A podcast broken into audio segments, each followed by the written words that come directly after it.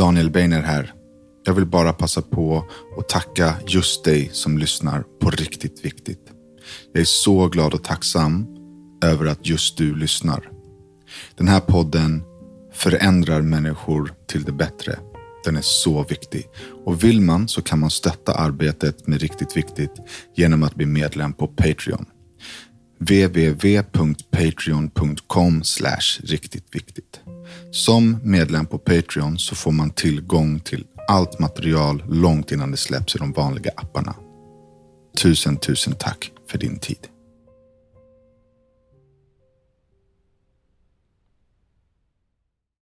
Hej och välkomna till ännu ett avsnitt av Riktigt Viktigt. Idag så sitter jag här med en kille som heter Erik Grönberg som är 35 år gammal och hade sin första sorg när han var sex och sin senaste nu i våras.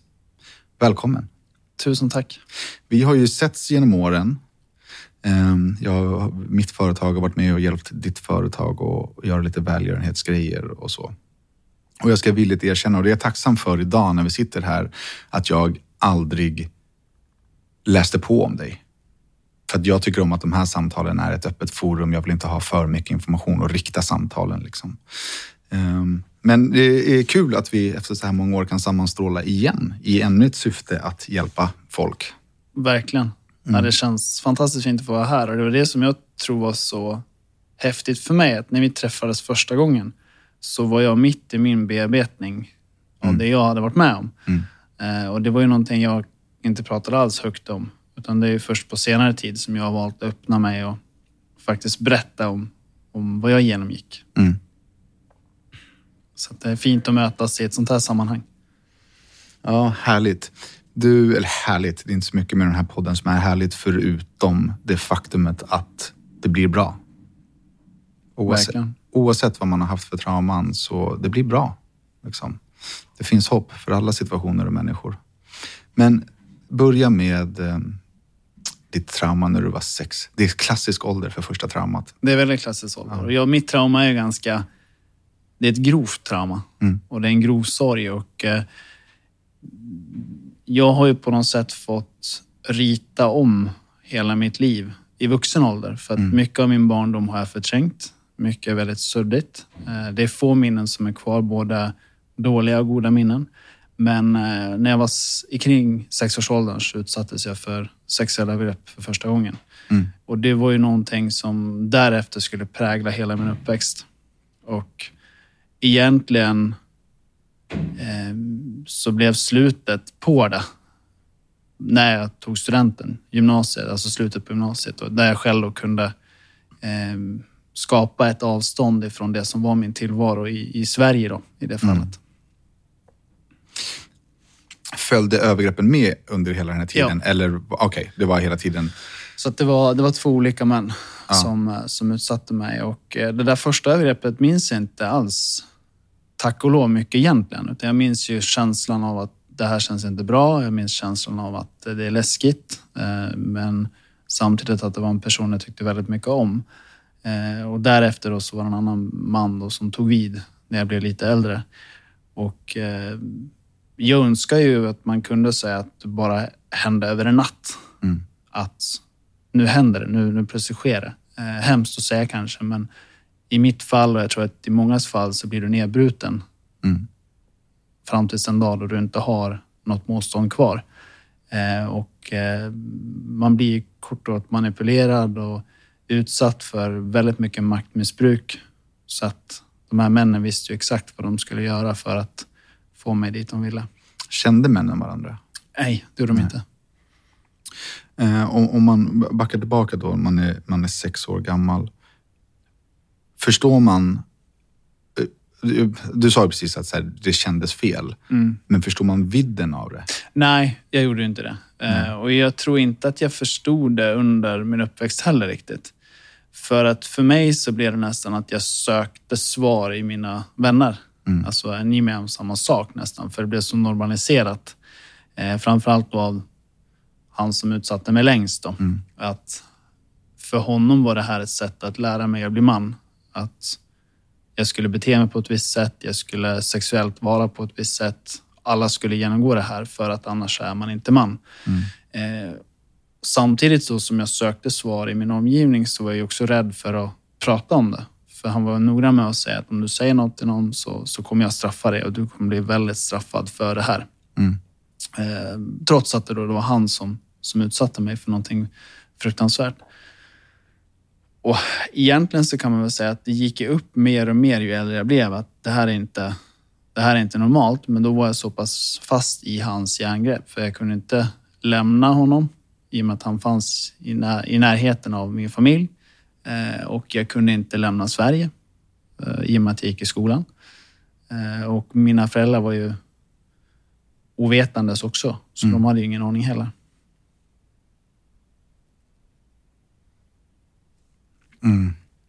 det, jag brukar oftast kunna relatera när jag sitter och pratar med gäst, men det här är omöjligt för mig att relatera till hur eh, tillvaron ser ut. Liksom, eh, vart du tar vägen eller vad du känner eller liksom, vem du ska vända dig till i den situationen. Men var det här någonting som ökade gradvis? Alltså självaste handlingarna? Eller var det samma sak från... Det var ju gradvis så tillvida att det börjar lite i liten omfattning och sen blir det mer och mer och till slut så står du där och är med om det mest fruktansvärda du, du kan tänka dig. Eh, så på så vis så ökade det gradvis. Sen fanns det perioder som var mer intensiva och andra perioder som var mindre intensiva men överlag så eh, själva handlingarna när du väl står där på sista raden. Det är ju många handlingar som har föranlett Mm. och lett fram till det. Så på så vis ökar det. Vad, har du några exempel på någon sån handling? Alltså rena övergrepp. Alltså ren... Ja, det var liksom könsövergrepp direkt. liksom. ja. Ja. Men sen även... Alltså... Vad ska man säga? Övergrepp på din integritet också. Alltså vad du... Alltså rätten till din egen kropp. Alltså du blir bedömd. Mm. Som i mitt fall då så, så eh, kunde jag få kommentarer om hur jag såg ut när jag var äldre då. Och kommentarer på att ja men så här ser ditt könsorgan ut och om du gör så här så, så blir det bättre eller sämre och nu ska vi runka av den. Och, Mm. och det var olika, alltså väldigt breda definitioner av övergrepp. Övergrepp i sig är ju väldigt mycket. Precis, och det är det jag försöker komma till här. Att så här, kunde det vara att man ville ta en bild på dig liksom så här, för att den som inte förstår, eller har, liksom, det kanske finns folk som är med om det som inte fattar det. Liksom. Och det är det jag tror är jätteviktigt också för att jag, i och med att jag inte förstod där och då, det var ju så pass normaliserat så att för mig så i början så var det ett samtal om kroppen egentligen. Mm. Men det samtalet ledde in då på att vi skulle undersöka vad som hände om jag gjorde så här och sen skulle jag göra det på honom och sen Mm. skulle han göra det här med mig. Så att det tycker jag i efterhand är det mest obehagliga, att man inte själv förstår. Alltså idag förstår jag ju, men där och då förstod jag inte. Ehm, Men samtidigt så var jag bara ett barn så att Och det, den här första förövaren, den hängde med dig liksom i 10 år, 12 år? När tar man studenten? 18? Eh, först, ja, det är andra förövaren då som Ja. är värst. Eh, han, ja, han hängde med mig och redan innan det. Så att han fanns ju med i, i eh, kring familjen. Och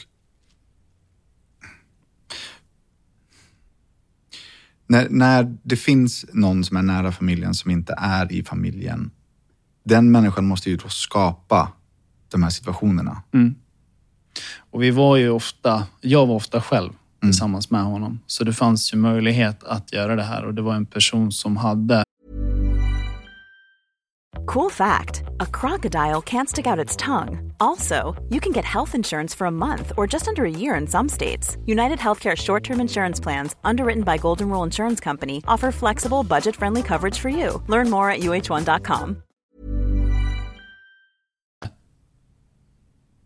status och Familjens tillit. också. familjens tillit mm. framför allt. Att en person man litar på, en person som, som mina föräldrar tyckte väldigt mycket om, och inklusive jag själv. Och där blev det ju en paradox, för å ena sidan så var det en person som jag uppskattade Mm. och behövde på ett sätt. Ehm, för han fungerade ju som ett bra bollplank, framförallt när jag var äldre. Men å andra sidan så var han en fruktansvärd människa. Så att det blir ju ett moment 22 i ditt huvud. Att, men, på vilken fot ska jag stå på egentligen. Mm. Um,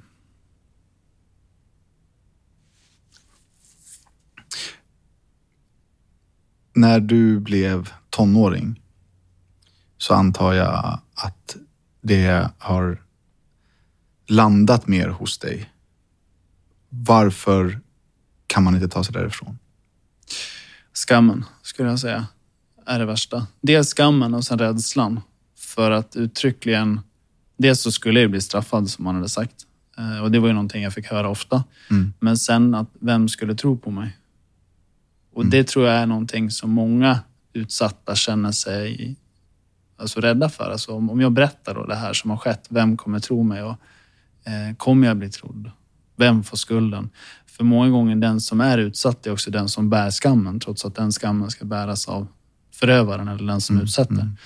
Ehm, så det är väl egentligen den, det enkla svaret på en svår fråga. Eh, och jag önskar ju någonstans att jag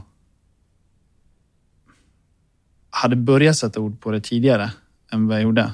För att när jag började berätta på ett sätt så började jag också kunna bearbeta det och få förståelse för att det här är inte mitt fel. Det här är någonting som har liksom tvingats på mig. Det är ingenting jag bett om. Men Mm. Att man placerar all den skuld och skam man har på den som faktiskt ska bära den. Men är man rädd för att liksom, kompisarna ska få reda på att man blir retad? Ja, gud ja. Absolut. Och framförallt tror jag, som i mitt fall, att jag, eh, jag var heterosexuell, eller är heterosexuell och eh, det var också pinsamt att du hade utsatts av en man på det sättet. Att eh, där i tonåren så är det mycket tankar kring både sexualitet och alltså livet generellt. Och för mig så var det också jättepinsamt att oj, nu ska jag försöka träffa en tjej här, men, men det här har jag redan gjort med en, med en man. Eh, och det var jätteobehagligt.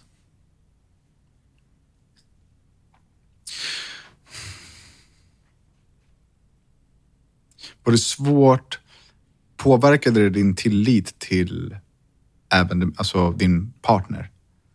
Ja, absolut. Och där så var det väl så enkelt så att jag hade ju en vilja och en önskan om att träffa någon redan i högstadiet och i, på gymnasiet. Så, men, men jag vågade ju inte det. Jag vågade inte vara nära någon. Jag vågade inte alltså, att någon skulle komma för nära. Eh, så att man kan väl säga att den första relation jag hade på riktigt, det var ju när jag var strax över 20 år. Ehm, och dels så var det ju ett stort orosmoment det här att vara intim med den personen Mm det blev ju jättekonstigt för mig. Eh, dels att jag var så sent på det med då en partner, men sen också att, att eh, mm, hon skulle komma på vad det var jag faktiskt bar på. Men tilliten i sig är ju enormt sargad och har varit enormt sargad. Det kan jag ju märka än idag att jag har svårt för att lita på människor och så framförallt släppa in människor. Jag vet när vi träffades så eh, strax innan så hade jag börjat berätta om det jag hade varit med om för min, mina närmsta.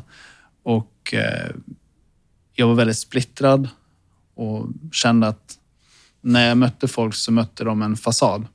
Hellre än, hellre än att de mötte mig som person. För att mötte de fasaden så då kunde de inte såra mig. Mm. Men mötte de mig som person då blev jag gärna sårbar och en person som de kunde utnyttja precis som då jag hade utnyttjat som, som ung. Då.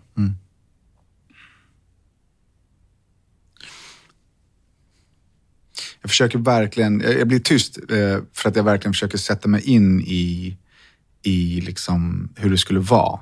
Men, men, men det, det, det går inte för mig. Alltså jag, jag får inte, jag kan inte relatera till eh, den typen av skam. Och det är lite sorgligt eh, att jag inte kan göra det just nu för att eh, jag brukar verkligen kunna förstå. Liksom, men, men du vet, när du inte kan relatera så det, alltså, då, då, det är samma sak som att förstå. Mm, mm.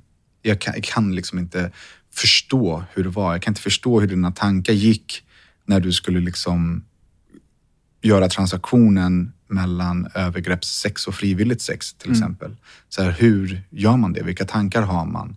Eh, liksom, var det... Nu vet jag för sig, alltså för oskulden vet jag inte hur det var för Alltså för mig var det ganska traumatiskt. Jag tyckte det var skitkonstigt. Liksom. Eh, eller traumatiskt, men jag gillade det inte speciellt Mm. mycket. Liksom. Eh, så här, den, den första upplevelsen med en kvinna då måste ju ha varit, eller eh, känts en press över att, att den måste vara liksom så speciell och eh, eh, annorlunda i känslan. Verkligen. För att kunna fortsätta liksom, utveckla den frivilliga delen. Ja, dels det och sen att man... Vad ska man säga? Jag kände nästan som att nu måste jag leverera. Nu måste jag vara den här supermänniskan som, som eh, är bäst även på detta. Och eh, det var jag ju uppenbarligen och såklart inte. Men, men eh, det gjorde ju att den pressen som jag la på mig själv blev ju också ohållbar. Vilket gjorde att jag höll mig ifrån den typen av situationer också efter den här första, första gången. För jag tyckte det var så... Eh, dels så var jag ju i den situationen med den jag träffade då. Så det skulle ha varit ett, ett fint ögonblick mellan två personer i samtycke. Men jag kunde ju bara tänka tillbaka på det jag hade varit med om som barn. Mm. Eh, och det säger ju sig självt egentligen att då funkar ingenting till slut. Eh, så det har ju varit egentligen fram till för fram tills att jag träffade min nuvarande partner och min, min fästmö så har det varit jätteproblematiskt att överhuvudtaget tänka i närhet på det sättet. Men det har du lyckats liksom, jobba med. Ja. Eh, och jag tror mycket handlar om att jag har känt mig så märkt av min bakgrund. Att jag har liksom gått in i varje situation och på förhand dömt mig själv nästan. Mm. Att som om jag skulle ha klivit in här, om vi skulle ha träffats på det här sättet för sju år sedan säger vi så skulle jag ha varit en helt annan person än- jag är idag. Inte beroende på de sju åren, utan för att jag var på en helt annan plats i livet där och då. Och framförallt en plats där jag bara kunde definiera mig själv genom det som jag hade varit med om. Så istället för att se mig som en person som har rätt att vara glad, rätt att vara lycklig, så såg jag mig själv som en person som förtjänade allt det onda för att jag hade utsatt mig själv, eller låtit mig utsättas för det här. Inte att jag var Men var du besviken på dig själv? Liksom? Jättebesviken på mig själv. Mm. Jättebesviken. Och eh, kanske framförallt besviken på allt som hände efter. Att Mm. Dels att du själv, som jag såg ju bara min egen skuld i det. Jag såg ju bara att jag inte hade sagt ifrån, att jag inte hade stått emot, att jag inte var stark nog. Men jag såg också åren därefter att jag inte kunde ta tillvara på mig själv. Så att jag... Det här blev ju att jag hittade olika system för att överleva. Så i skolan så var jag ju, jag var ju nörden i klassen. Mm. Hade ju högsta betyg i allt och folk tänkte jäklar vilken räkmacka. Men grejen var ju att böckerna var mina bästa vänner. Mm. För de dömde mig inte, de frågade inte saker. De fanns bara där. Ehm, och det gjorde att jag sen liksom, när jag hade tagit studenten och sk- skulle söka in på universitet, jag kunde ju komma in vad jag ville. Men istället så började jag på saker för att jag tänkte att den utbildningen, det kommer vara svaret. Det kommer vara lösningen på att läka mig själv. Mm. Eller den, det jobbet utomlands kommer vara lösningen på att jag äntligen kommer få må bra. Så istället för att jag känner att det här vill jag göra eller det här känner jag att jag mäktar med eller brinner för egentligen, så tänkte jag att okej, vad förväntas det att jag ska göra? För det kommer också göra att jag blir hel och komplett som människa. Och den flykten som jag alltså, utsatte mig för egentligen själv där och då blir ju aldrig konstruktiv någonstans, utan det blir en, en flykt och en resa utan slut egentligen. Mm. Jag tror att det är svårt. Alltså, jag jobbar också med att hitta mig själv hela tiden och det gör jag inte. Hur jobbar du? För, för, Oj, alltså mycket liksom, samtalsterapier, KBT och liksom, jag har precis startat en ny KBT. Eh, och det är bara så här... Jag tror att mitt problem är att jag tror liksom inte riktigt på det. Mm. För att jag är 40 nu. Alltså, det har gått så lång tid. Eh, men många av de som jag pratar med här och andra människor också, de har ju verkligen lyckats göra det. Så här, jag är värd att vara lycklig. Men hur känns det? Mm. Alltså hur vet man när man har löst den gåtan? Liksom? Den är jättesvår. Jag tror att jag är lite ambivalent där. Mm. För ena dagen så kan jag känna mig stark, lycklig, glad, eh, tacksam för att nästa dag befinna mig på en helt annan plats. Jag är tillbaka i ett mönster som jag hade för länge sedan. Um, men det jag märkt att ju längre, alltså ju mer jag jobbar med mig själv, framförallt i KBT, i och med att man då tvingas in i situationer mm. som där och då kanske inte känns så vettiga. Alltså man tänker att, men vad ska det här göra? Så upplever jag i alla fall att jag får andra perspektiv. Jag får förståelse för hur jag har betett mig och hur jag är i vissa situationer. Tack vare eller på grund av det jag var med om som, som liten. Mm. Och på så vis så tror jag att det har hjälpt mig. Men sen tror jag man får vara ödmjuk inför sig själv också. att det, det är svårt att trycka på on-off och säga nu är allt superbra. För att, att vara människa tror jag är att ha hela spektrat. Mm. Alltså man kommer alltid ha dagar där det känns piss, men en större förståelse kanske. Har du fått förståelse för din situation? Eh, ja, det skulle jag säga. Jag har för, fått förståelse för varför jag har agerat som jag gjort. Eh, jag har fått förståelse för varför jag har varit den jag har varit i relationer och eh, har kunnat lägga pusslet på det sättet. Man lägger ju nästan baklänges så att det blir att det har, om man ser tillbaka på de relationer jag har haft så, så har det funnits vissa problem som varit återkommande. Eh, där jag idag kan se att de i sin tur är relaterade till det jag var med om. Det är absolut ingen ursäkt för mitt beteende, men de är relaterade. Det finns någon form av ursprung i det beteendet. Ehm, och vetskapen om det gör att jag idag, varje dag jobbar för att det inte ska hända igen. Mm. När man eh, jobbar då för en förståelse slash acceptans, krävs det då att man har förståelse för sin förövare? Eller kan man lämna den, för du sa att man behöver ha en helhetsbild. Mm. Liksom. Krävs det då att man har förståelse för hela bilden? Jag skulle säga att, att det, är nog, det är nog väldigt svårt att förstå en, en person som förgriper sig på en annan mm. på det sättet.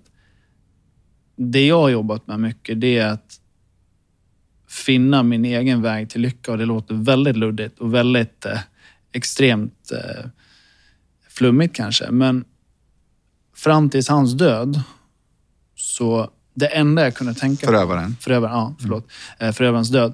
Det enda jag kunde tänka på det var att få ett förlåt. Mm. Så att nästan allt jag gjorde, det var för att nästan visa honom att titta här. Det är många som, som står på de utsatta mm. sida. Förstår du vad du har gjort mot mig och de här andra du har utsatt? Um, och sen dog han plötsligt. Och där och då, det blev ju liksom en reaktion i mig att här hade jag kämpat i de här åren bara för att få honom att förstå vad han hade gjort mm. och framförallt för att få det här förlåtet. Och så kom inte det förlåtet och nu vet jag att det förlåtet kommer aldrig att komma. Eh, och då är jag liksom där och då, det blir inte en förståelse för vad han har gjort, men jag fick en förståelse för att jag måste ta ansvar för det som kommer framöver. Mm. Det kan inte jag lägga i hans händer, utan jag måste lägga den lyckan eller det livet eller den vardagen i mina egna händer. För att annars så kommer jag bli förföljd av det som han har gjort hela livet ut. Och det är klart att man aldrig kan sudda ut ens ryggsäck på det sättet, men man kan, tror jag, lära sig att leva med det utan att det får definiera en. Konfronterade du honom någon gång? Nej. Nej. Mina föräldrar gjorde det men inte jag. Okej, okay, så du har aldrig liksom haft kontakt med honom efter att det kom fram? Jag har... Eh, det är kanske konstigt att säga, men jag har varit så rädd för honom. Mm. Jag har varit jätterädd för honom. Och... Varför? Det är väl inget konstigt? Nej, nej det, det, är sant. Men, men det som jag tror blir så konstigt i mig när jag tänker på det, det är att jag, jag, tycker, jag tycker så mycket liksom, jag tycker så mycket onda saker om honom på ett sätt. Mm. Men jag får inte fram det när jag ser, ser en bild på honom. För då är det snarare att jag blir kastad tillbaka till när jag var liten. Jag blir ett barn på nytt. Jag kan nästan känna en obehagskänsla inombords. Istället för att bli den här personen som verkligen står upp för mig själv. Mm. Men inför honom så gick aldrig det. Det var helt omöjligt. Har det gjort att du har överkompenserat ditt stå upp för dig själv på andra håll? Eh, jag har överkompenserat, eh, inte för att stå upp för mig själv riktigt, utan jag har varit duktig på att förminska mig själv, men överprestera i andra situationer. Mm. Eh, så när vi träffades exempelvis så jobbade jag mycket med, med välgörenhet och där så var lagom aldrig lagom, utan det fanns alltid lite till. Mm. Och Det i sig kan ju vara en positiv egenskap, men jag har nästan känt att jag måste rädda världen för att tillåta mig själv att existera. Så där är jag överkompenserat i mitt värde. Mm. Eh, men sen eh, det jag upptäckt också när jag nu befinner mig i en bra relation och en, en sund relation, det är att jag har haft ett behov av att få säga vad jag tycker. Och det har inte alltid varit jättekonstruktivt i den relationen. Utan det har varit att nu ska jag minsann, jag ska säga vad jag tycker och det har jag rätt att göra. Och det är ju såklart allas rätt att säga vad man tycker och känner och, och tänker. Men det är inte alltid det är konstruktivt. Eh, och det har också varit en balansgång. För att å ena sidan så upplever jag att jag har ett behov av att göra det. Men sen får man känna in när det är läge och inte läge. Jag tror att det är ganska vanligt att man har en insikt, en vetskap från en situation och så här, men det där ska jag aldrig mer vara med om eller det där, det där tolererar inte jag. Och så spiller det över på relationer där man inte känner sig i det här underläget. Liksom. Precis. Um, och det behöver ju inte ha med en, ja, eller jo, det har väl nästan alltid då med en förövare att göra, men det behöver inte vara en sexuell förövare. Utan i andra situationer av livet, om det är liksom mobbaren i skolan eller stränga läraren eller vad det nu kan vara. Exakt. Um, och det krävs ju enorma mängder insikt för att kanalisera det och liksom ta ut det på rätt ställe eller rätt situation. Verkligen. jag.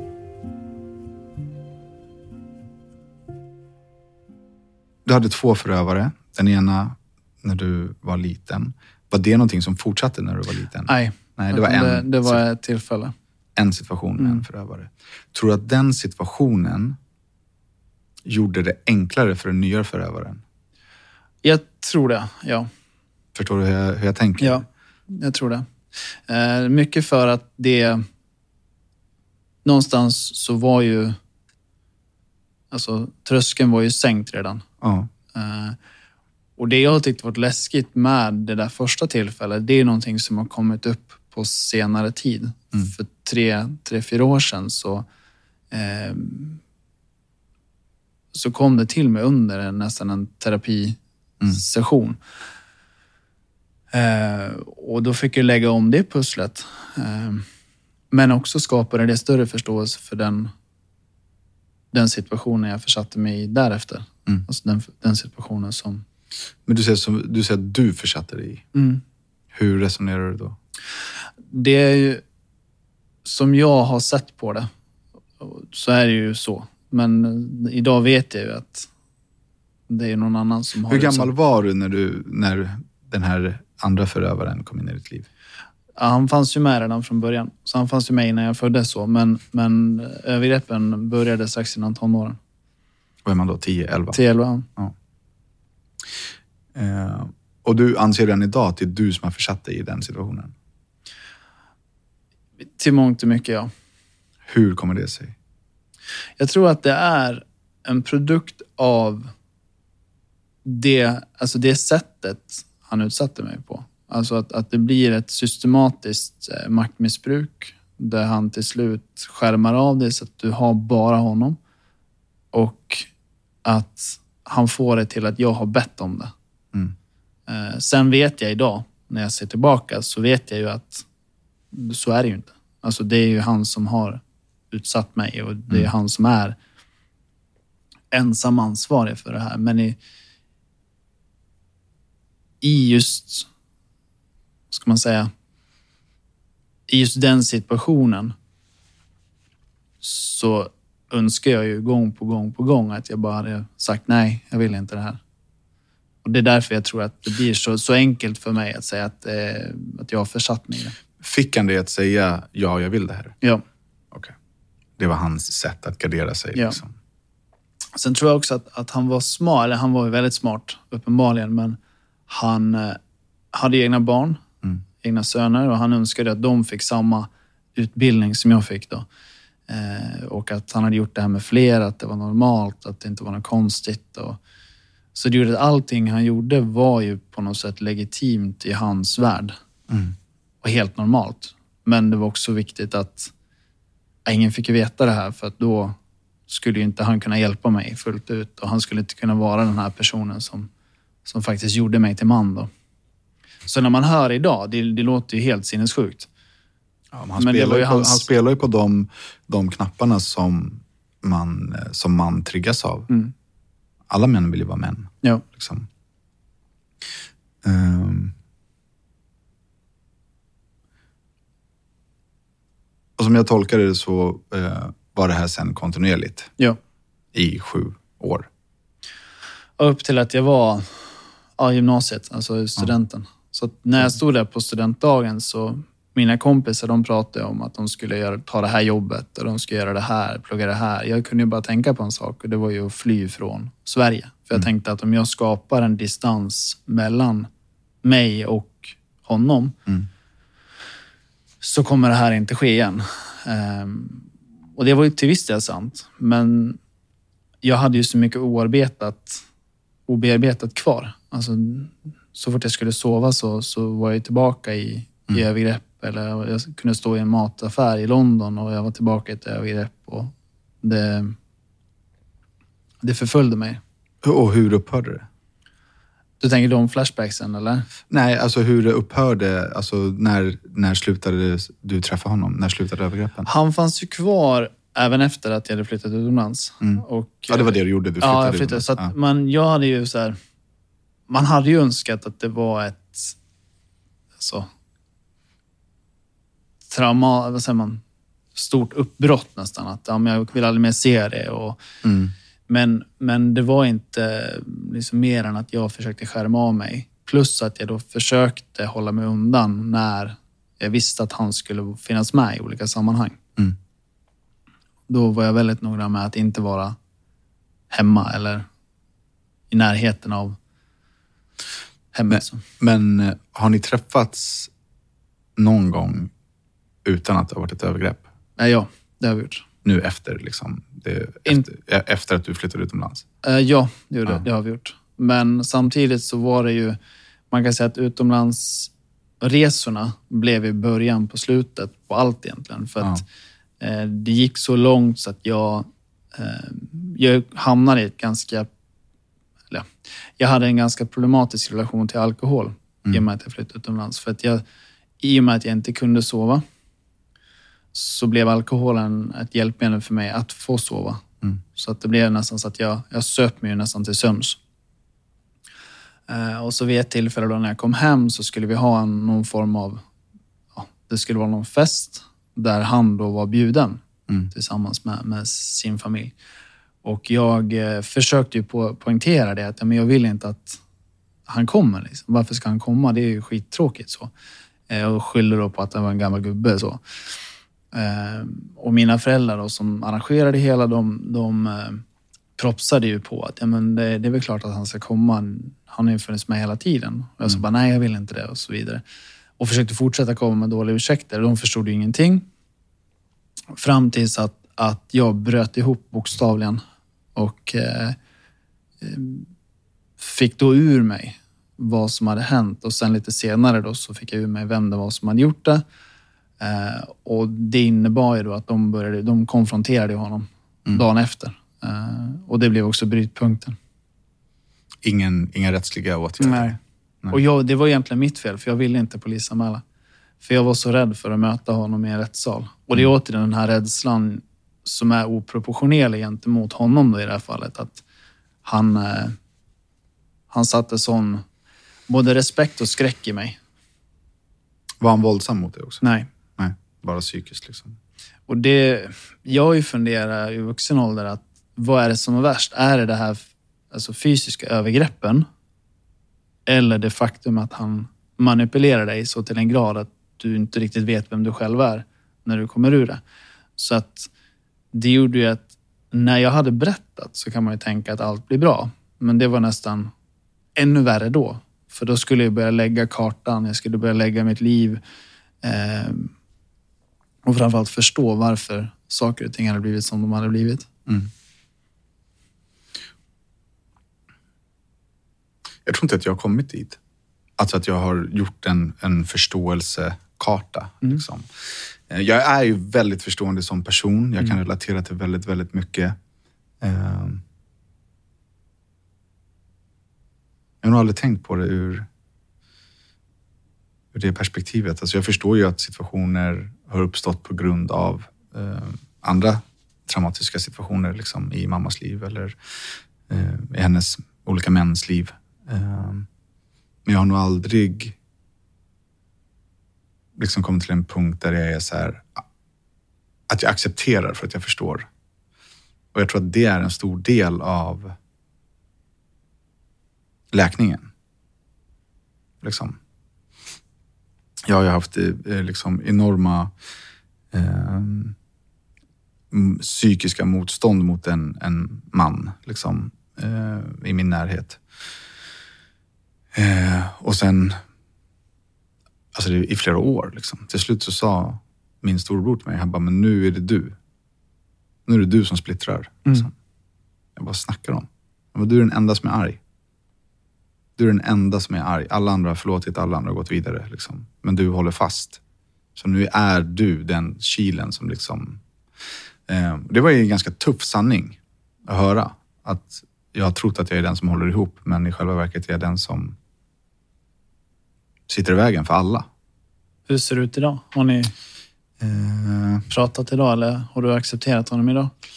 Nej, men det, det fick mig nog att för, så här, okej, det är sant. Jag kan vara hur sur jag vill, men det behöver inte påverka alla runt omkring mig. Mm. Då, då kan jag sköta det i mitt egna huvud. Liksom. Istället för att hela tiden markera, markera, markera. Liksom. Ehm, för även om det är med mig och till viss, viss del mot mig så är det ju inte mot mig utan det är ju två andra vuxna människor som har haft ett problem som har drabbat mig. Mm. Liksom. Eh, och det är intressant det där med, med, med förståelsen. Jag vet ju att här, det lättaste sättet att förlåta någon är att förstå. Mm. Ja, så är det helt klart. I samma sekund som du förstår en person, så länge, liksom, så länge du är nyfiken på så här, men varför är den här personen arg? Eller Mm. varför? Eh, och när jag förstår det, då kan jag, först då kan jag göra rätt och förlåta. Liksom. Mm. Det är ju, det är ju liksom världshistoriens svåraste nöt att knäcka. Hur ska vi få våra, folk att förlåta varandra? Hur mark- du sa du markerade. Hur brukade du markera? Nej, men det var väldigt tydligt vart jag stod i den frågan. Liksom. Väldigt, väldigt tydligt. Ehm, och det, det, det, alltså det drar ju ner hela rummet. Så. Ehm, och sen är det ju att, alltså, jag säger inte att man ska förlåta sin förövare, men i den mån man kan så ska man nog göra det. Både för sin, för, för sin egen del. Man kan, kanske inte förlåta, det, det, det är, är liksom... Men i alla fall förstå och acceptera, tror jag. Det tror jag och framförallt jag tror att man, som jag brukar se på det, att man accepterar det förflutna men förlåter sig själv. Mm.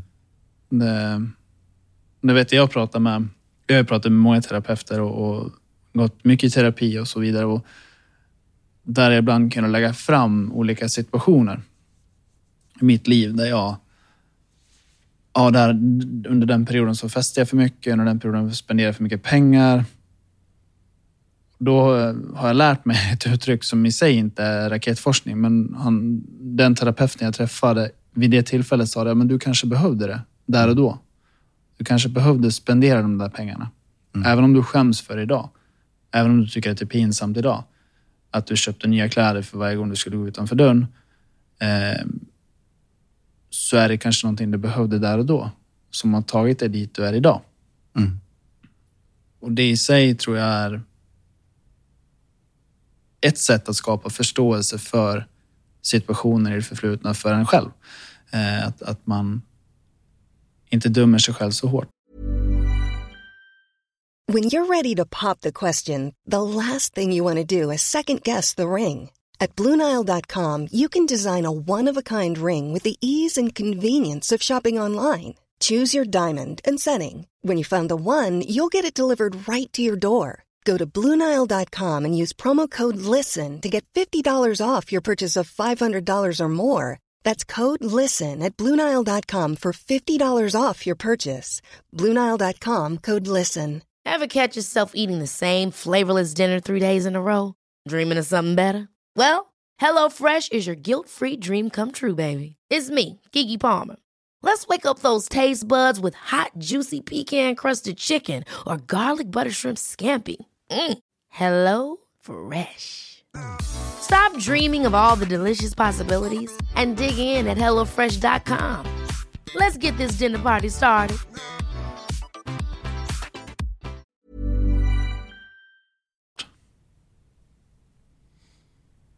Mm. Jag är nog ganska bra på att döma mig själv tror jag. Är det några specifika situationer som du brukar... Jag har nog sv- svårt att liksom klappa mig på axeln. Svårt att tycka att uh, någonting jag gör är bra nog. Liksom. Jag mäter ju tyvärr väldigt mycket av ehm, framgång eller ehm, hur bra man gör någonting mäter jag i hårda värden, så som pengar. Men om någon säger till dig, eh, se om, Sonja säger till dig att Danne, jag älskar dig. Mm. Kan du ta till dig det? Ja, det kan jag. Men jag kan också tveka på det. Kan du ta till det om hon säger att någonting är bra? Säg att du har, du har gjort ett, säg att du har gjort ett projekt som har gett hårda värden. Alltså det har gett framgång, pengar och så vidare. Och hon säger att det här var ju riktigt, riktigt bra.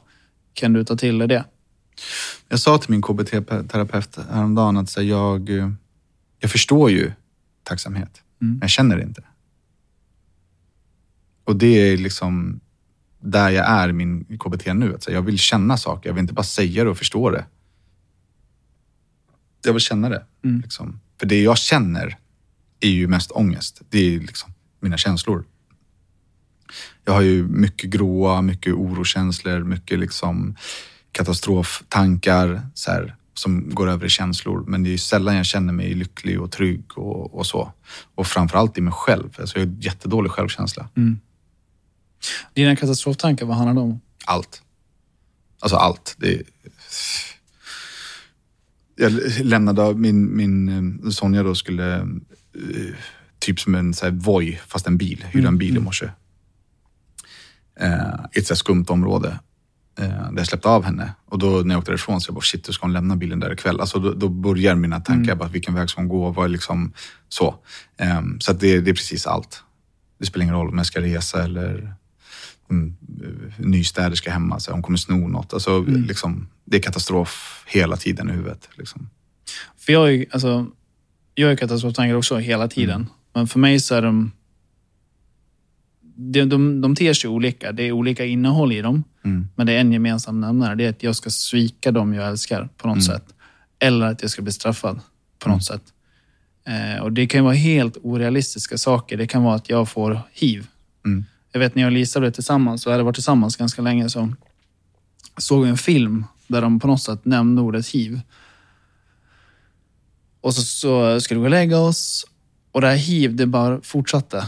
Eka i mitt huvud, hiv, hiv, hiv. Och så tänkte jag, jäklar, jag har ju inte testat mig när jag träffade Lisa. Och jag, var så, jag, jag var helt övertygad om att jag var hiv-positiv. Så att jag alltså, googlade ju sönder där på natten, bokstavligen. Bokade en tid till infektionskliniken dagen efter och var ju fast övertygad om att det är kört. Jag har svikit henne, jag har gjort henne ledsen, besviken, förstört hennes liv. Jag kommer dö. Eh, och jag tror inte det var det här att jag skulle dö som var det jobbiga. Utan det var just att jag har svikit henne. Jag har gjort henne ledsen. Att inte jag... Det var nästan så att den här bilden, den här profetian då som, som min förövare sa till mig att men du blir straffad. Den, den kommer tillbaka hela tiden. Hur skulle du bli straffad? Sa han det någon gång? Eller var det bara ett samlingsord? för... Samlingsord, ja. Så det, är ju, det är ju på ett sätt det jäkligaste för att då, då hoppar ju katastroferna. Så det kan vara allt ifrån att men om jag är otrevlig mot någon eller om jag eh, kör för fort exempelvis. Eller, alltså det kan vara så konstiga saker som i sig, i sitt sammanhang, inte har någon katastrofklang överhuvudtaget. Men där och då så blir de enorma. Mm. Men så, jag har verkligen så.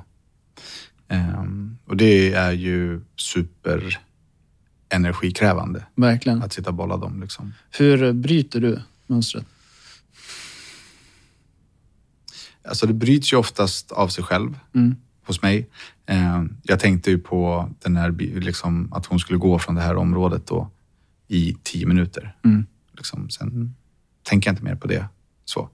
Eh, och ofta så hittar jag ju något sätt att lösa det. Jag hämtar henne eller jag skickar en Bolt eller eh, ja, går och kollar mig. Liksom, eh, tar, jag gör hälsotester en gång per år för att jag tänker att liksom, nu är det något strul. Jag tycker det är en nöt som är så svår att knäcka faktiskt. Jag, Det är ju fantasier. Det är fantasier, men det jobbiga är att de blir ju så verkliga för, för en själv. Men där får man ju då eh, anamma eh, rimlighetsteorin, eller vad det heter. Precis. Så här, hur rimligt är det? Ja. Vi brukar göra så. Jag, som sagt, jag kan ju få när som helst. Och framförallt om jag är trött eller lite stressad, då kommer det ännu, ännu mer. Så jag brukar ju ställa en fråga till Lisa. Och säga så här, kan jag få, kan jag få ställa en fråga? Och då vet ju hon att det kan komma precis vad som helst. Exakt vad som helst. Men just bara att jag får sätta ord på det, så blir det som att det avdramatiseras lite grann. Och det känns lite bättre. Men kan det uttrycka sig liksom i, i, i svartsjuka och oro, sån oro hos dig? Ja, i början så var det extremt. Ja. Det var... Jag tror att, att jag var så övertygad om att jag inte förtjänade någon kärlek alls. Vilket gjorde att jag var helt säker på varje gång hon gick utanför dörren så, så skulle hon lämna mig. Vilket i sig, det är ju helt orimligt också. ja, det är orimligt. Ja. Men, men eh, jag kände mig så icke värd att älska. Och det, dels så blir det jätteorättvist mot henne. Först och främst. För att Absolut. hon har inte gjort någonting. Men det som, det som blev var att jag fick ju någonstans stålsätta mig och känna, men vänta nu. Vad är det jag håller på med? För det här är ju det är återigen det här rimlighets... Mm. rimlighetstänket att, men vad är rimligt då? Och om det skulle ske. Det är ju så att då får det hända. Alltså, om hon träffar någon annan eller om hon inte vill vara tillsammans med mig längre, men då är det så. Mm. Men jag kan inte gå runt och alltså, förutsätta det. För det hjälper vare sig henne eller mig eller någon annan. Nej, så är det ju. Eh, det hjälper ju i, i, nej. Nej. men det hjälper ju ingen. Verkligen ingen. Eh, men vad är rimligt också? Det, jag tycker det är en sån,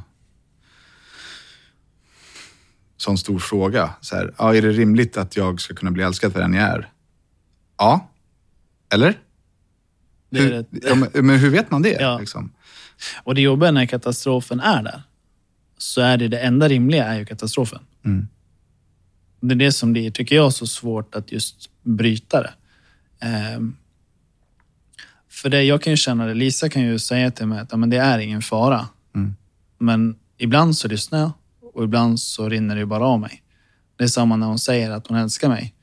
Så lyssnar inte riktigt, utan jag bara fortsätter lite grann som, som du var inne på, att man har en självkänsla som är uppbyggd av prestation. Och oavsett vad man presterar så är inte det tillräckligt, utan man ser fortfarande nästa steg, nästa steg, nästa steg. Eh, min, tjej eh, var lite låg häromdagen. Och det har jag ganska lätt att ta personligt. Mm. Som att, så här, vad har jag gjort eller eh, har det hänt något eller så. Hon bara, nej men det är lugnt, du behöver inte tänka på det. Liksom. Men jag kunde inte sluta tänka på det. Eh, Och så till slut så, då, så sa hon vad det var. Och när hon sa vad det var, då släppte ju mina Mm. ångesttankar. Och sen gick jag inte vidare med hennes problem. Då blev det istället som att jag liksom pressade henne till att säga vad hon ha- har liksom för känslor, vart hon är någonstans just nu. Eh, och när det då var en lättnad för mig att det inte handlade om mig, så... Jag ska inte säga att jag inte var intresserad, men jag gick inte vidare med hennes problematik. Så här, shit, vad händer? Vad tänker du? Hur mår du? Vad kan vi göra? Utan då var jag bara så här, okej. Förstår du? Så att det blir så dubbelfel. Som jag, jag idag nu liksom känner mig jättedum över att jag gjorde. För där och då förstod jag inte att jag gjorde det. Men sen kom det upp i ett annat samtal som vi hade senare då hon var så här, men det är ingen idé att jag säger någonting till dig. För du, du borstar bara bort det. Liksom. Jag, får inte utrymme för att prata med dig om vad jag känner. För att jag, jag släppte det i samma sekund som det inte var att vi hade problem. Det blev som en lättnad. Då var jag så här, "Uff, skönt, nu kör vi vidare. Liksom. Eh, och det är ju någonting som jag verkligen måste jobba med. Men sen tror jag att när man är i den situationen, som i ditt fall, att du tänker ju på ett sätt att det handlar om dig. Mm. Att du har gjort någonting som gör att hon är i den sinnesstämningen hon är i. Och när du då får höra att Nej, det handlar inte om dig, Mm. så blir det ju, din katastrof blåses ju då bort. För det är ju så, när man är i den Om jag nu tror på det. om man, precis, om man tror på det. Ja. Eh, när du är i den katastrof, katastroftanken så handlar det också bara om, om att bli av med den här ångesten. Att hur kan jag lätta den ångesten? Hur kan jag känna att det blir bra? Eh, och det är det som blir farligt i det fallet. Och att för dig, det enda du vill höra är att det handlar inte om mig. Sen kan du gå vidare. Men det är också en naturlig, tror jag, reaktion i sammanhanget. Att man förstår att okej, den här katastrofen jag känner, den handlar inte om mig. Men vad bra, då kör vi. Istället för att kanske vara mera närvarande. Precis, det är det. det, är det, där är liksom ordet. Jag behöver träna på att vara mer närvarande i den situationen. För det slutade med att hon blev dubbelt så ledsen. Hon var ledsen över en grej och sen sa hon inte mig och så fanns inte jag för henne i den Nej. grejen. Ehm, och det, ja, det är verkligen en läxa att lära.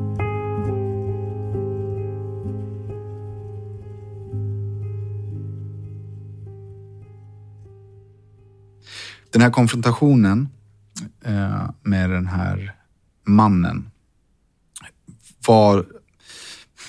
Jag, jag försöker sätta mig in i att det här, min... min, eh, min eh, eh, mitt barn kommer till mig och berättar att det här har hänt.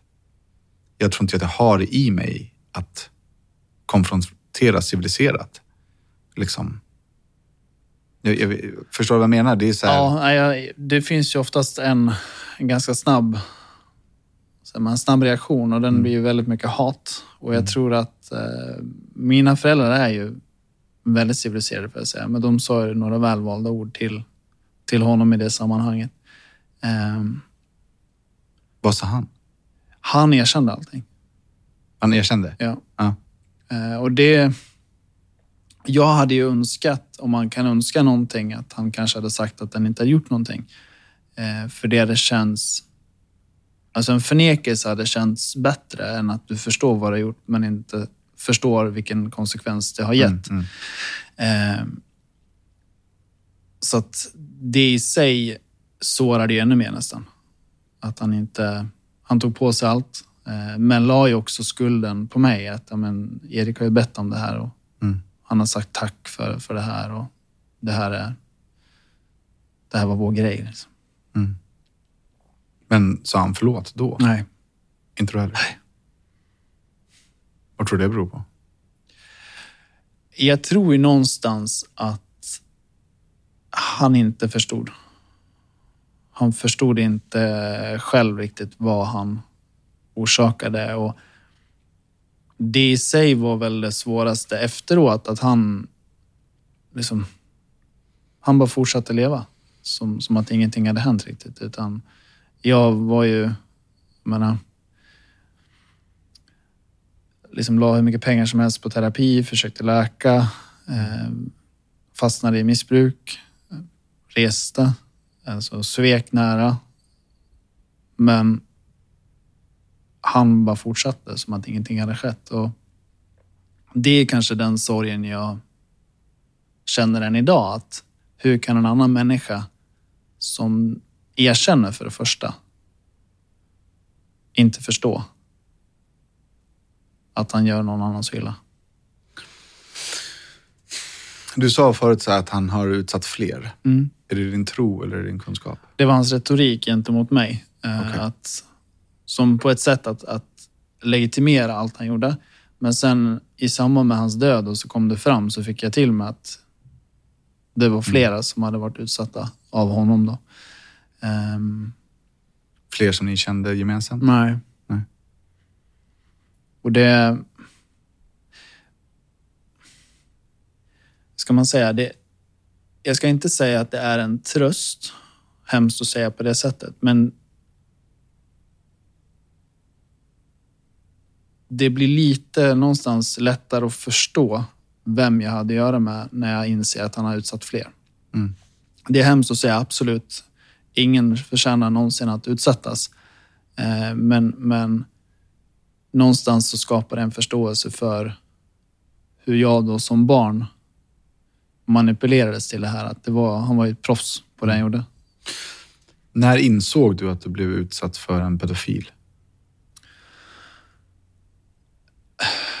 Alltså jag skulle nog säga att ändå så skedde det ganska fort att jag insåg att det var fel. Mm. Eh, För att jag insåg att det här är någonting som, som ingen annan är med om. För i skolan då, det är ju det som blir så konstigt att jag nästan letade efter tecken från mina kompisar. Att de, Samhörighet ju... Ja. Att, att de kanske var med om samma sak eller delade mina erfarenheter, men det var ingen som visade någonting. Och jag kunde ju inte säga någonting rakt ut heller. Men, eh, det, det kom ju relativt fort ändå. Att förstå att någonting står inte rätt till. Det, eh, jag förstår. Jag vill eh, ställa frågan igen. För jag... Det är skillnad på att förstå, eller så här, men det här känns inte bra, till att så här, shit, jag blir våldtagen av en pedofil. När, när den tyngre delen av insikten verkligen landar. Så det, min fråga är om det, när det landade, blev det då en annan reaktion hos dig? Var det en annan känsla kring det när det blev så faktiskt? Ja. Eller man ska säga. Det skulle jag säga. Alltså det blir ju en sorg. Alltså en stor sorg.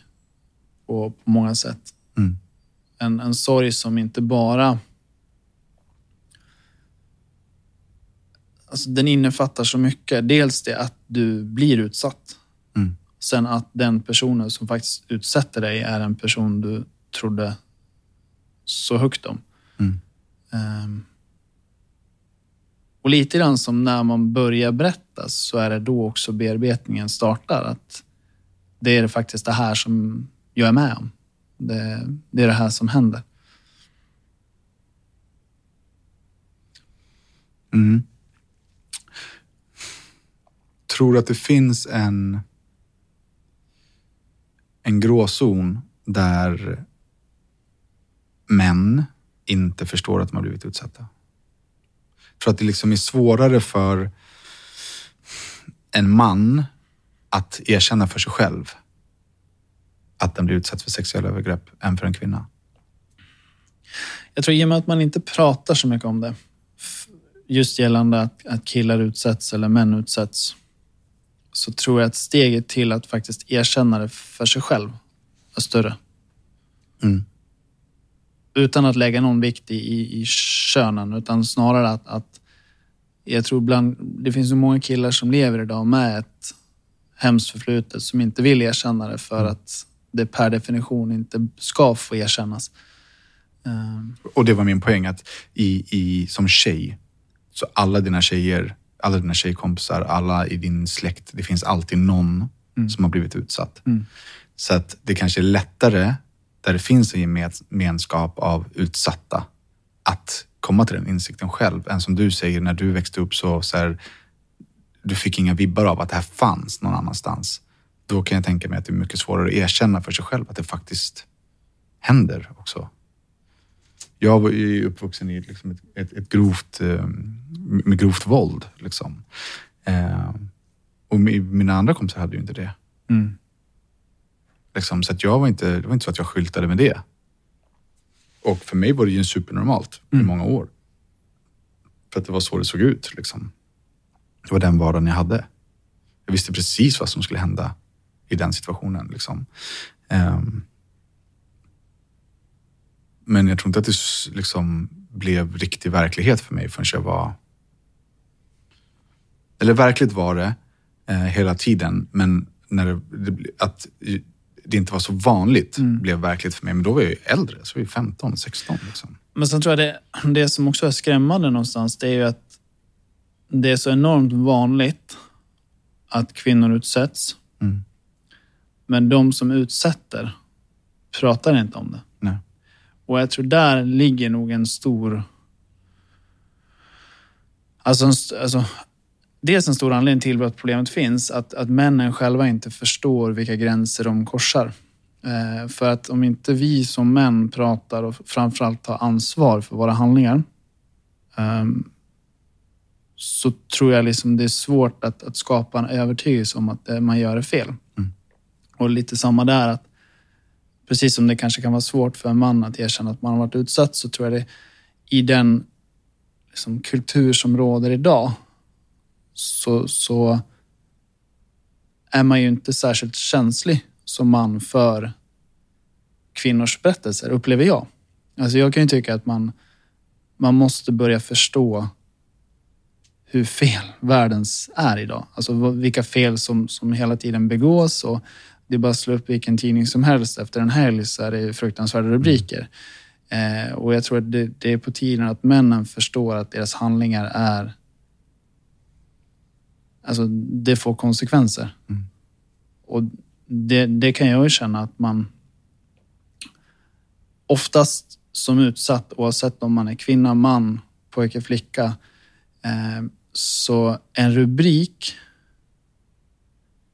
kan aldrig någonsin förklara det livslånga ärr eller det livslånga trauma det skapar. Och jag tror det är det som är kanske nyckeln till att männen ska börja förstå både sig själva, alltså sin egen uppväxt, men framförallt det man utsätter andra för. att Vad gör det här med den du träffar? Alltså vilket, på vilket sätt påverkar det henne eller honom? Jag tror det, den insikten får man nog under ett tolvstegsprogram. Så, alltså, jag tror att det är ganska svårt att få den. Är du inte nyfiken som person på eh, situationer? Jag menar, jag har ju lärt mig så mycket av att jag fick en dotter. När jag har liksom fått f- förstahands liksom, visualitet, förstahands eh, samtal. Hur det är att vara en ung tjej hur miljön är, hur de blir påverkade av sociala medier. Jag menar, på min tid fanns det inte sociala medier, men det fanns killar som stod i korridoren som funkade precis som sociala medier. Exakt. Det har ju gett mig en superförståelse och ju mer jag förstod det, desto mer började jag engagera mig i den frågan. Liksom. Jag lyfter den frågan dagligen. Eh, och det som du säger, eh, jag, jag har valt att kalla det för gråzon. Gråzo, bland män. Gråzonen bland män är förövare som inte förstår att de är förövare. För det finns en jättestor del män, inklusive mig själv, som har varit den här gråzonen. I en mängd olika beteenden. Ehm, där man kan leva i en jättelycklig relation som man. Eh, där man har en mycket större sexlust än sin fru. Och man tycker då per definition liksom att det, får frugan lösa. Ja. Vilket efter en, två gånger mot sin vilja slutar i enorm, eller kanske efter första gången, eh, men i starka känslor av att man blir utnyttjad i sin relation. Till slut så blir det övergrepp. Och det kunde jag inte förstå för sex år sedan. I, inte överhuvudtaget. För alltså, va, jag, inte, jag, har ingen, jag har inte gjort några jävla övergrepp. Jag har varit kåt hemma med min tjej. Hur det är ett övergrepp. Liksom. Och den tror jag är jävligt vanlig. Och trots den kunskapen jag har kring det idag så kan jag fortfarande vara den mannen som bara är kåt hemma. Och verkligen säga, vad fan, ej. Är kåt, vad, händer? Liksom. Ehm, och den är jävligt vanlig. Men den leder till den här känslan hos en kvinna. Som väldigt få män någonsin kommer uppleva. För det är sällan en man tackar nej till sex. Väldigt sällan. Jag har ju, kan utgå från mig själv. Jag har ju alltid varit så men alltså jag skulle aldrig tacka nej. Aldrig någonsin. Men jag skulle heller aldrig känna mig utnyttjad. Alltså i, i en kärleksrelation med min partner. Min, min, min partner skulle aldrig kunna få mig att känna mig sexuellt utnyttjad. Det är helt omöjligt för mig. Det finns ingenting hon kan göra, det finns, hur ofta hon än gör det, det finns ingenting som hon skulle kunna få mig att känna den vidriga känslan av att jag blivit utnyttjad. Och det där blir så, tycker jag, så ojämställt att det som är normalt för mannen blir ju ett övergrepp för kvinnan. Och jag tror att så länge man inte... Alltså, man måste öppna upp. Alltså öppna upp debatten, öppna upp samtalet kring det för att skapa en förståelse. Jag tror att alla har vi haft en mamma. Eh, många har döttrar. Alltså allt, vi har relationer till kvinnor som vi respekterar 200 procent. Mm. Och det jag tycker blir så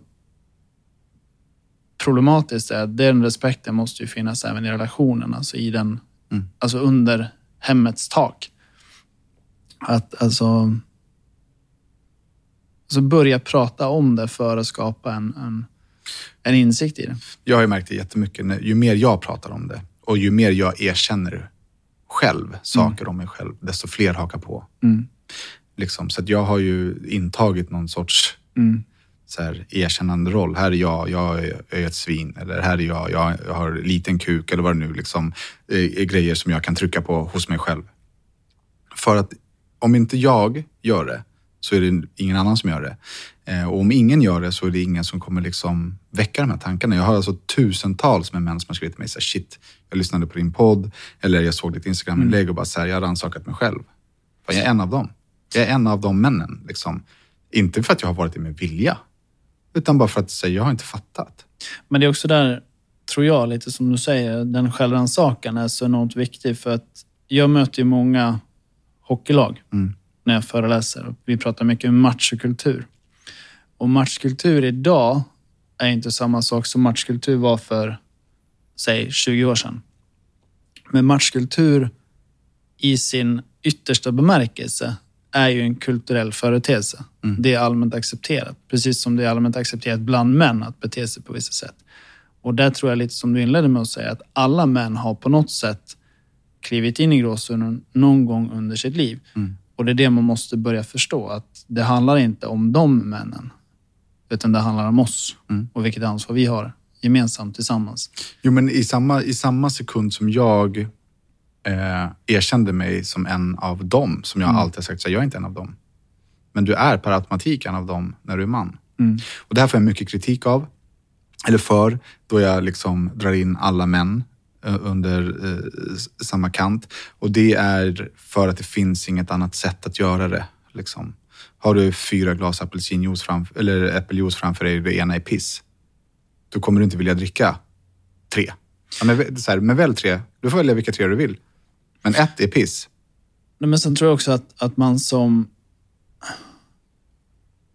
Alltså det är ett kollektivt ansvar. Mm.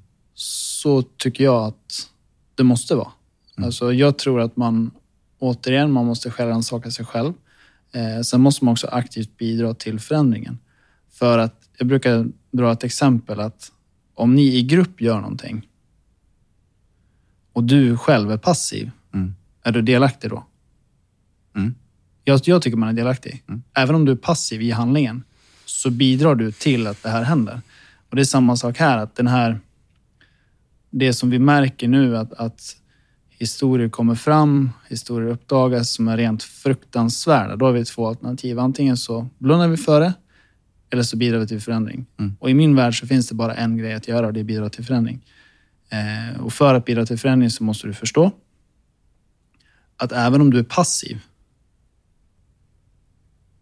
så har du indirekt bidragit till att det faktiskt existerar. Mm. Och Det är där jag tror att man, man ska passa sig för att liksom peka finger och säga så att ja, men det är de som gör det. För att återigen, det är ett kollektivt ansvar. Jag tror att den är svår att få med folk på. Det, det är jättesvårt. Ja. Nej, Men det är, man säger bästa världar känner jag så. Men jag, jag har fått en, jag fick den jättemycket till mig kring eh, jag hade stått upp för, men för någon kvinnokamp tror jag. Eh, eller garanterat. Eh, och sen efter, direkt efter så kom BLM. Och då kände jag så här, men jag har precis bedrivit en kamp. Nu, nu tar jag lite paus. Från, alltså för att det, det, är ett, det är ett jävla jobb att bedriva en kamp. Det är ett jävla jobb att driva den och svara på alla och liksom tycka och tänka. Och liksom, jag får också som ett personligt ansvar för folk som hör av sig med sina stories, att jag ska svara dem och sådär. Ehm, och då fick jag till mig hela tiden, så här, varför lägger du inte upp om BLM? Okej. Eh, Så jag bara, men jag, det, det är inte min kamp. Just nu är det inte min kamp. Liksom. Eh, eh, var mitt svar och då var det så här, men då är du en av dem. För då är du passiv. Liksom. Eh, och det hade jag skitsvårt att ta in då. För det är inte så att jag inte håller med eller står för den grejen. Jag kände bara inte för att gå in i den kampen just nu. Vi spelade in poddar om det, så här, vi gjorde lite små grejer men jag stod inte på plattan och jag gjorde inte de här grejerna. Liksom. Ehm, och då tyckte folk då att jag var passiv. Ehm, så den har jag fått till mig, men jag hade svårt att ta in den då. För att jag var så här, men jag är inte det. Jag tycker, eh, jag, tycker som ni, bara att jag, eh, jag står inte längst fram med fackeltåget den här gången. Liksom. Eh, Och det kanske man inte alltid behöver göra, men, men jag förstår att det är svårt att få med folk ifrån den passiv, passiva, liksom, passiva facket.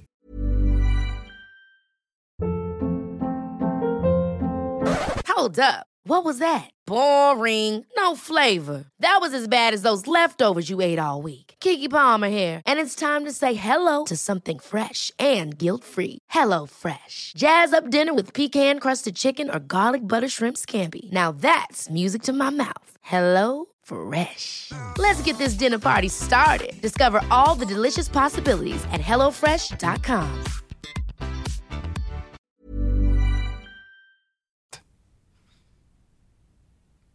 Verkligen. Men sen tänker jag också som så att man, man kan ju mm, alltså, bidra på olika sätt.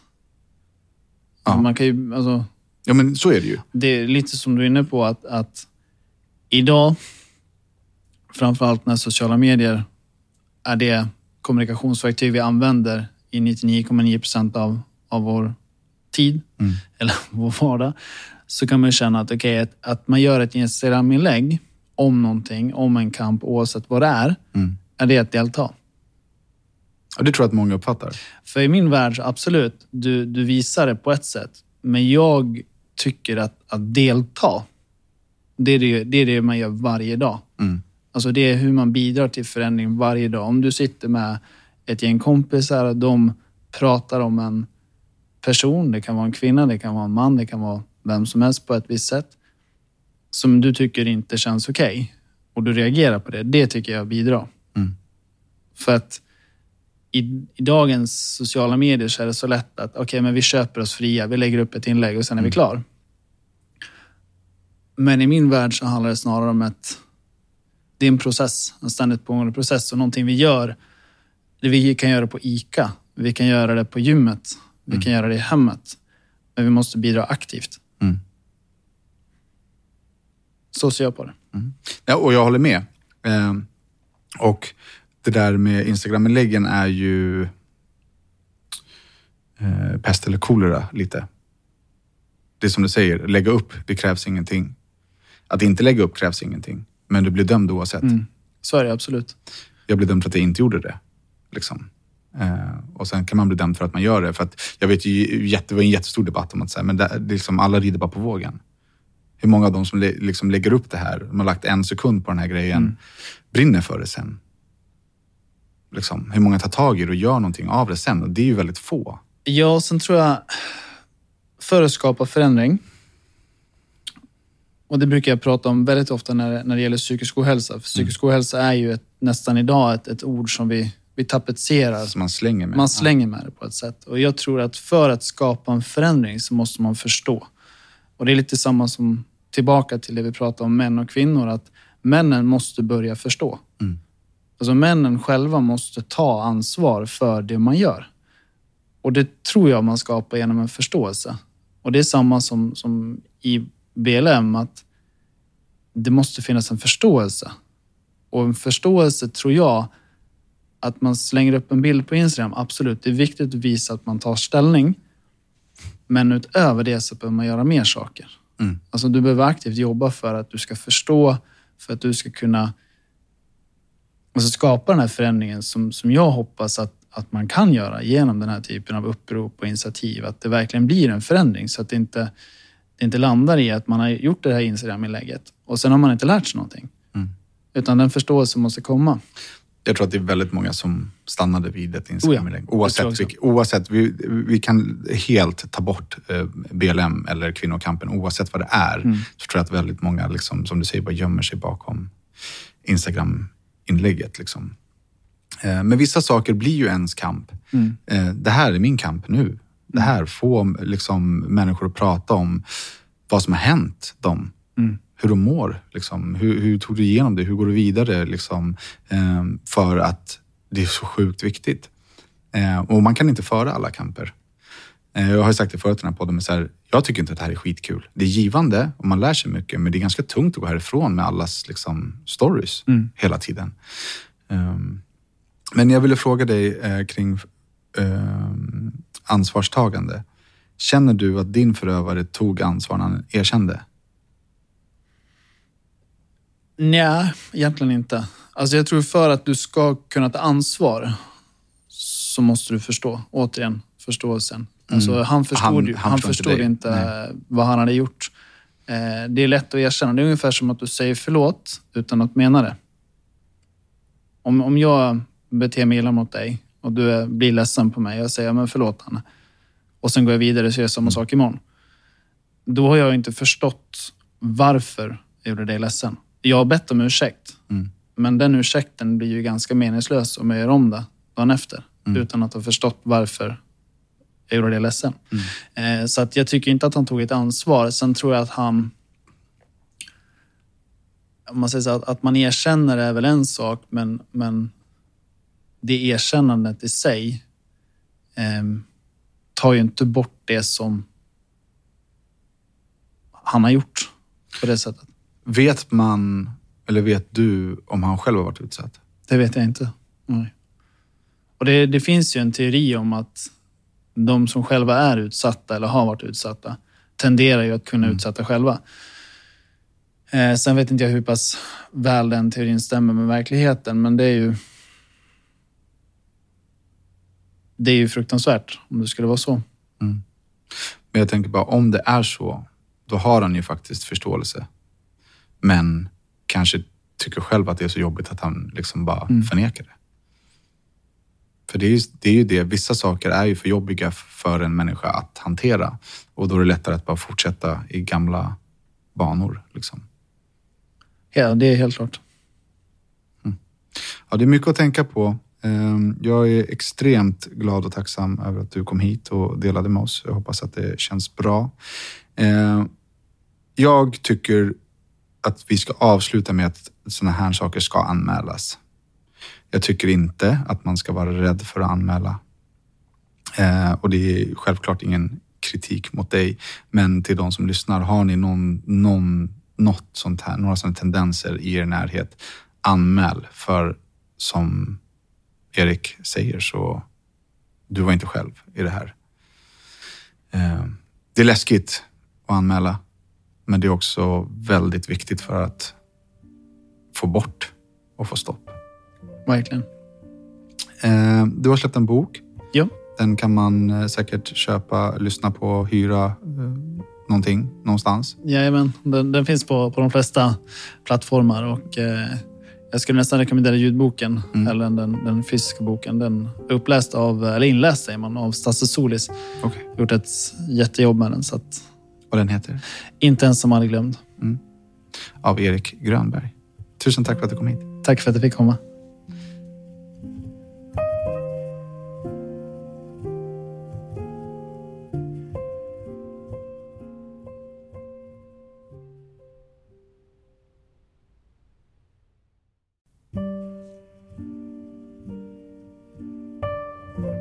Daniel Beiner här. Jag vill bara passa på att tacka just dig som lyssnar på riktigt viktigt.